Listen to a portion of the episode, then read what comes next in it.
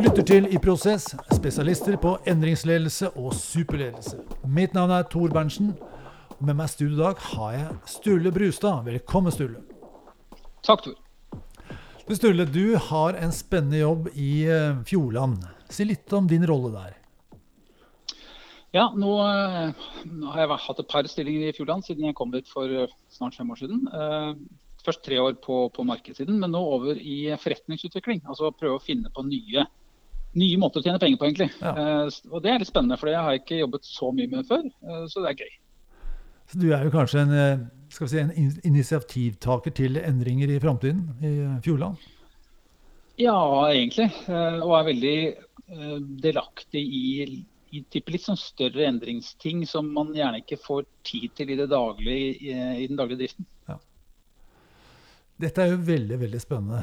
Og egentlig så er det temaet vi snakker om nå, det er jo egentlig en podkast i seg selv. Men vi skal snakke om noe helt annet. For du har nemlig gjort det som det er veldig sjeldent at direktører på ditt nivå gjør. Nemlig du har skrevet en bok. Eh, Hva heter boka? Boka heter 'Krone sjokolade'.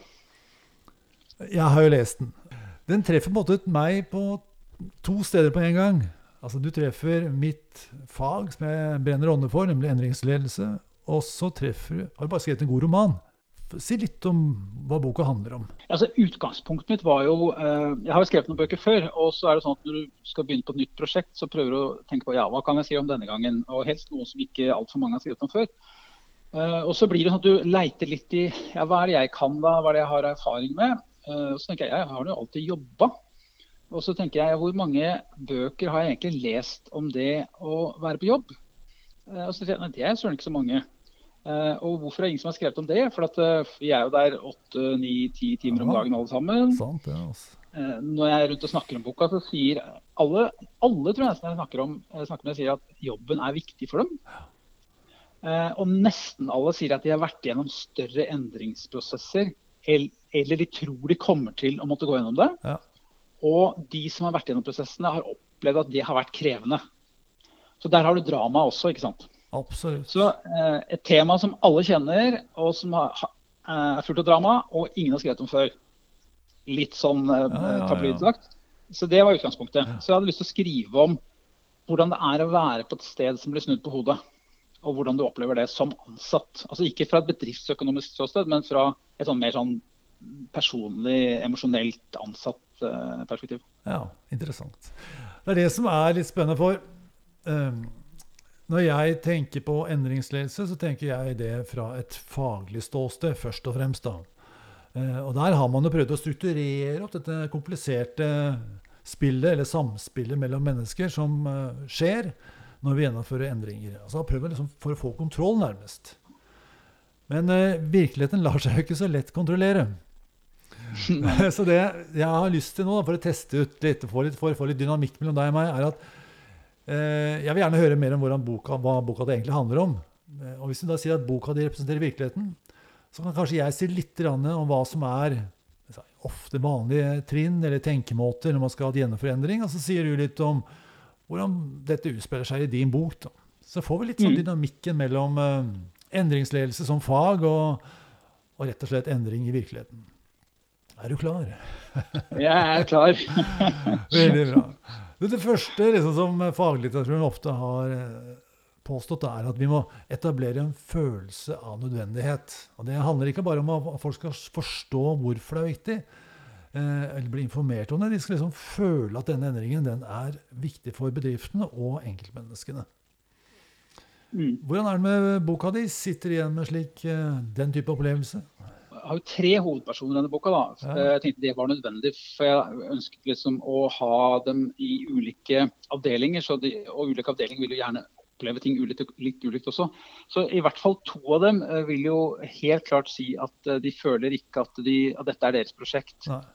Eh, og det til tross for at jeg husker da jeg satt og skrev dette, så tenkte jeg at ja, ja, nå er du egentlig ganske snill med han administrerende som kommer inn der. Han gjør egentlig ganske mye riktig. Eh, men det, det siver ikke ned eh, til de som, eh, som får denne, denne endringen egentlig sånn tredd nedover hodet. Særlig to av dem opplever det. At dette er ikke mitt prosjekt, og, og dette må jeg forholde meg til. Og, og det blir sånn at det, dette har jeg egentlig ikke lyst til å være med på engang. Altså, virkeligheten er jo sjarmerende ustrukturert. ja, ja, ikke sant. Fortell litt om de hovedpersonene. Du har, det er en eldre dame som, har, liksom, representerer, eller, som har vært det lenge. Hva er det hun representerer i boka?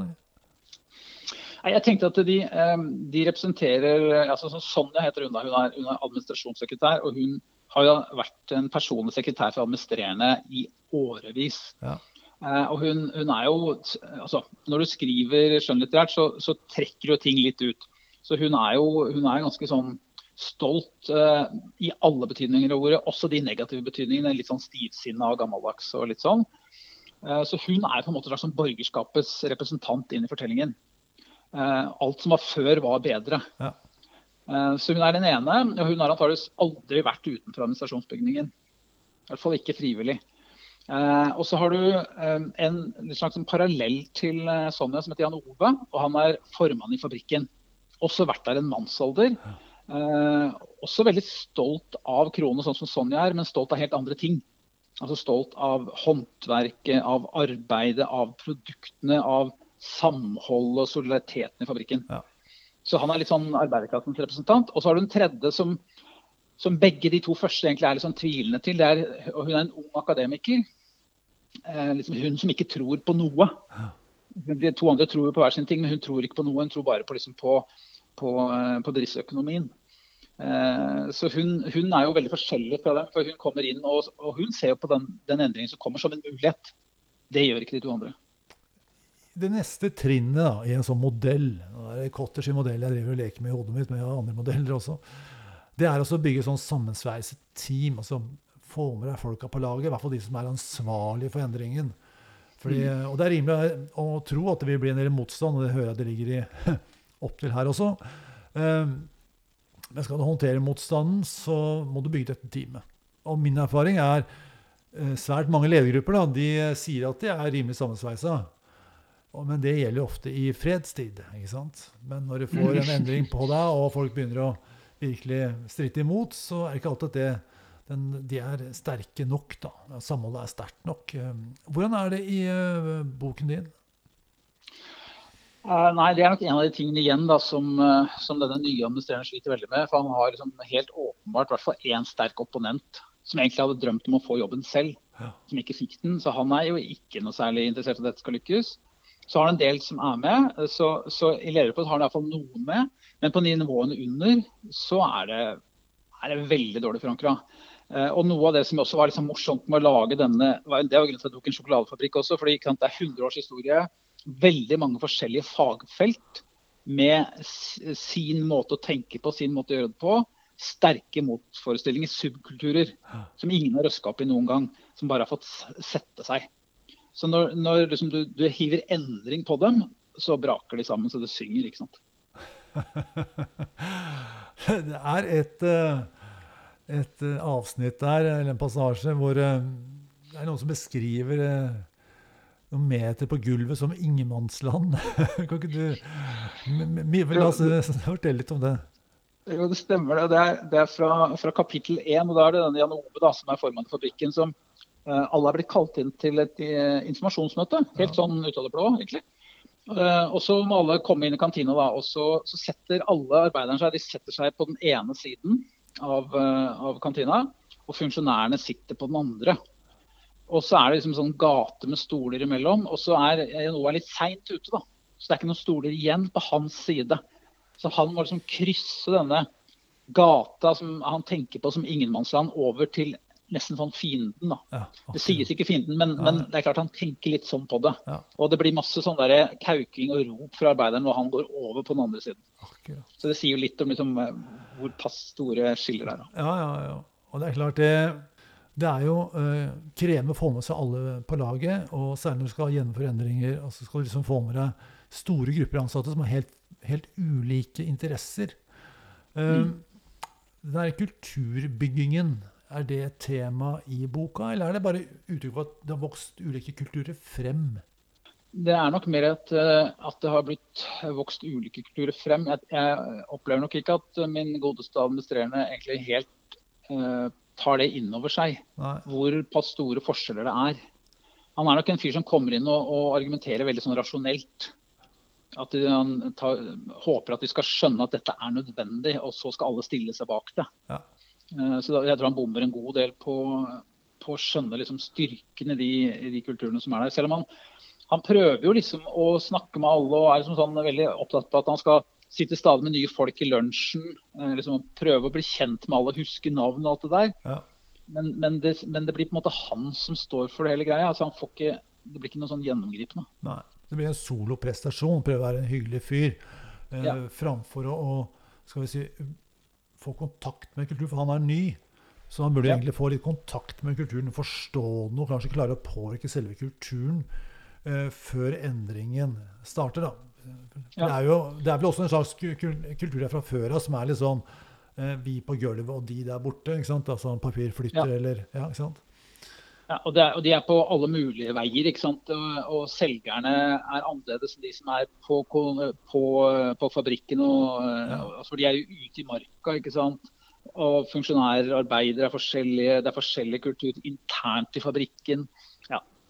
Det er jo, dette er jo problemstillinger som jeg ofte kjenner igjen i, i, i hverdagen i dag, når jeg møter folk fra ulike virk, virksomheter. Og da er det også når det gjelder by og land, eller at det er eh, store geografiske lokasjoner. Altså er de på hovedkontoret i Oslo liksom, eller et annet sted. Eh, de er papirflytterne, og så har du de som skaper verdiene. De er ute i distriktene og på fabrikk eller hvor det nå måtte være. Eh, så det er jo en krevende rolle å bygge den der felles kulturen. da. Eh, Ja, definitivt. Og det, det kjenner jeg for så vidt litt igjen eh, der jeg er nå også. at det, det er aldri, det er aldri noe spesielt lurt å si at uh, hvis du er ute på, på et anlegg som produserer og sier at nå kommer jeg fra hovedkontoret. det, det, I beste fall så blir det litt vitsing om det, liksom. Så, Ja, ja, Så, ja. Nei, og så er det jo det er, jo det er jo et grunnlag for det også. For at det er klart at eh, skal man være dypt eh, erkjennende, så er det jo slik at det er jo medarbeideren som skaper verdiene. Verdiene skapes jo på gulvet. ikke sant? Mm, mm. Eh, så der man skal ha respekt eh, for det. altså Den respekten skal de jo merke. Da. Og gjør de ikke det, så kommer det en litt naturlig protest. Eh, Mm. gjør nok det. Du, Det neste trinnet da, i denne modellen da, eh, det er jo å bygge en eh, felles visjon for framtiden. Eh, Jeg hører at du eh, Det høres ut som den er kanskje litt logisk. Hvordan er det i, Ja. i, i boken? Den, den er veldig ikke sant? Det er jo Det er litt handelshøyskolevisjonen. Ja. Eh, altså at øh, det er vi, vi, må, vi må greie å snu dette selskapet så det blir konkurransedyktig, så det tjener penger. Ja. Eh, og det er det jo noen som det er noen som kjøper seg inn i det. Altså den, den ene av de tre hovedpersonene, Celine, hun uh, syns det er helt fint. Det, er liksom, det holder for henne. Eh, Og særlig fordi hun får mange nye muligheter. Hun har liksom blitt holdt litt nede fram til dette skjer. Mens nå, den nye administrerende, han er jo veldig mottagelig for den type kompetanse som hun har. Ja. Så hun får en masse muligheter inne her, hun. Men for veldig mange av de andre så, så tenker jeg at det er jo ikke det jeg er opptatt av. Jeg er opptatt av meg jeg, og de gode kollegene mine, og at vi er en bra arbeidsplass i samfunnet, og altså mange sånne ting. ikke sant? Ja, ja. ja. Og det der er litt krevende, for hvis ikke visjonen er et bilde av hvordan vi har det sammen i framtiden, Mm. Så hvorfor skal du ha lyst til å være med på det da? Altså Det Mm. at vi øker inntekten med 10% eller reduserer kosten med 10 altså det, er, det, er, det er smart å gjøre det, men det er jo ikke motiverende for noen som ikke tar del i det regnestykket i det hele tatt. Nei. Så medarbeidere vil jo gjerne se ok, la oss si at vi når denne spennende framtiden. Ja, hvordan er hverdagen for oss da? Og når Mm. ser de ikke det, så ja, vil man heller ha det man har, da, enn noe ukjent. Eh, og det er der noe kultur, når kulturkrasjet, eller avstand mellom kulturene, da, det er masse subkultur i en virksomhet, når den avstanden blir veldig stor, Mm. så er det jo vanskelig å kommunisere en sånn felles visjon om en felles kulturell framtid. Det blir gjerne en Mm. businessgreie for aksjeeier eller investorer investor eller ja, noe annet. Mm. Så sånn så kan du si at så har nok, eh, hvis vi holder oss til kroner sjokolade, da, så har nok tidligere eh, ledere eh, forsømt seg. I den forstand at de har liksom latt en masse subkulturer utvikle seg litt sånn uhemmet. Ja. Ikke prøvd å samle det engang. Men tenkte at det er en grei ting. Så det bare vokser opp nedenfra eh, på det som er logisk i forhold til virksomheten. Men det er ikke noe helhetlig samlende rundt det. Nei. Nei. Det er mye å snakke om. Boka er tjukk. Eh, hvordan er det med Men ikke for tjukk, Sturle. Den var det. 900 sider i første Ja, det er jo det. Altså. Jeg må si jeg leste den ganske raskt. Men uh, jeg regner med at det blir at dramaet utvikler seg utover i boka. At, at, det blir motstand, og noen blir motivert. Og, kan du si litt om sånn hovedbildet uten å avsløre alt for oss? For, for, de som er skeptiske i utgangspunktet, så, så, har de på en måte altså, det, spisser seg litt til for par av dem. da. Det blir sånn der, Skal jeg være med, eller skal jeg gå ut? Ja. Uh, og, og, Det er et spørsmål som faktisk to av dem stiller seg. Uh, men, men, hvis du da bestemmer deg for å bli, uh, som de gjør, da, så må du på en måte gå om bord. ellers så blir du jo bare en opponent. og Det, det, det, det syns jo ingen av dem er tilfredsstillende nok. Så de, de prøver å gå om bord, men de får da nye roller som er, egentlig er for store for dem. I hvert fall i det korte løpet. Så de sliter noe innmari sant, med å greie å, å, omstille seg og lære seg det nye som de må for å kunne bidra inn. Så de, de sliter fryktelig med, å, med liksom, å, finne seg selv igjen da, i en sånn ny kontekst som, som den snuoperasjonen er. Ja. Det er det jeg syns var interessant å lese. Uh, nemlig du beskriver ganske intenst det personlige dramaet som utspeiler seg i miljøet. Og hvordan det som kan, fra en administrerende direktør sitt perspektiv, hvordan det kan eh, bli personlige dramaer, og det får ringvirkninger, og det ene fører til det andre, og så er folk fortvila og begeistra og skal lære seg nye ting og gruer seg som bare det til å komme på jobb. Altså Det er masse drama der. Mm. Som jeg opplever som helt reelt når jeg leser boka. Men mm. så når du sitter i Eller tar det fra direktørperspektivet, så er det veldig vanskelig å forholde seg til. Fordi at Altså når man liksom øh, har en plan for endringen, uh, du har gått igjennom alle detaljene, du har analysert risikoer, uh, du har plan for kompetanseheving, kommunikasjon. Du kommuniserer regelmessig, du syns du gjør en veldig bra jobb. Og så får mm. du litt motstand. Som, som, som, som, det er det du ser på toppen liksom, av isfjellet. Mm. Når du leser mm. boka, så ser, får du følelse av hele mylderet som foregår under overflaten. ja, men Det er jeg veldig glad for at du sier, for det var jo intensjonen også. Ja, og det er, det, og det er derfor jeg det er derfor du er her i dag. For å være helt klar på det. Det er, det er den innsikten der, og gjerne ha den felles. Jeg ser for meg at en ledergruppe, og gjerne en hel virksomhet, bør lese boka og snakke om disse dramaene som utspeiler seg, og ha det, det som bakgrunn når de planlegger neste endring. For da da får man en mer forståelse av hvor vanskelig det er å skifte roller. Hvor stor avstand det kan bli mellom kulturer. Har du svak ledelse, så får du sterke subkulturer. Mm. Man har en tendens til å forsvare det med at ja, det er masse sterke personligheter her. Men det er egentlig bare flinke folk som tar mye ansvar ut fra det, sitt eget perspektiv. Det er egentlig et mm. uttrykk for svak ledelse. Mm. Så at uh, den innsikten der som fagteorien snakker om, men det klarer ikke å beskrive og gi oss en opplevelse av det. Vi får bare sånn akademisk forståelse av at ja, det er motstand her. Det må vi håndtere. Men så mm. er det egentlig eh, et sort hull. Mm. Der syns jeg boka de fyller en rolle. Og eh, det jeg anbefaler alle lytterne til denne podkasten å gjøre, er å selvfølgelig kjøpe boka og lese den. Eh, men det er ikke nok. Jeg ønsker det, eller jeg foreslår det, anbefaler det at uh, administrerende direktør i ethvert stort selskap eller lite kjøper boka, gir den som julegave til sine ansatte, og i hvert fall til ledergruppa, og bruker den boka som et utgangspunkt for felles refleksjon når man planlegger å gjennomføre endringen. Slik at man får liksom en mer innsikt i hva som egentlig foregår. For virkeligheten er ustrukturert, mens planene våre er strukturert. Hvis man vil kjøpe denne boka, og gjerne mange av dem, mm. da, hvordan gjør man det? Fins den i butikken? Ja, i noen grad så gjør den det. Eh, men jeg tror det sikreste er nesten bare altså Du kan, du kan gå i bokhandelen og bestille den der. Ja. Eller ellers så kan du ta kontakt direkte med meg. Send meg en e-post på jeg har liksom klønete e-postadresse, men sturlebb i ett ord er totmail.com. Ja.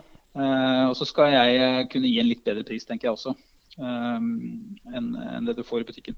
Siden den er jo kom i fjor, så det blir litt sånn jule, juletilbud. Veldig bra. Så skriv til meg, så, så blir vi enige, så fikser jeg det. Ja. Da skal vi legge den adressen i uh, ingressen på podkasten, sånn at den er synlig der. Og så er vi jo litt nysgjerrige på Du har jo en krevende jobb. Blir det flere bøker etter hvert, eh, tror du? Jeg, jeg har jo lyst til det, da. Jeg, jeg liker å skrive. Det, er jo, var jo den femte boka mi som kom ut denne, med Kronesjokolade. Så jeg holder på å jobbe med ideer nå. Men jeg er litt usikker på hvordan jeg skal få det til, faktisk. Ja. Eh, for det tar litt tid å skrive, og du bør helt være våken når du gjør det. Og så bør du være våken når du er på jobb også. Eh, så jeg er ikke sikker på hvordan jeg skal få det til, men jeg har veldig lyst, da. Så jeg driver og sysler med det nå. Får vi se. Det er veldig bra. Vi venter i spenning. Så jeg sier tusen takk for samtalen, Sturle. Lykke til Tusen takk til deg selv, Tor. Ja. Takk.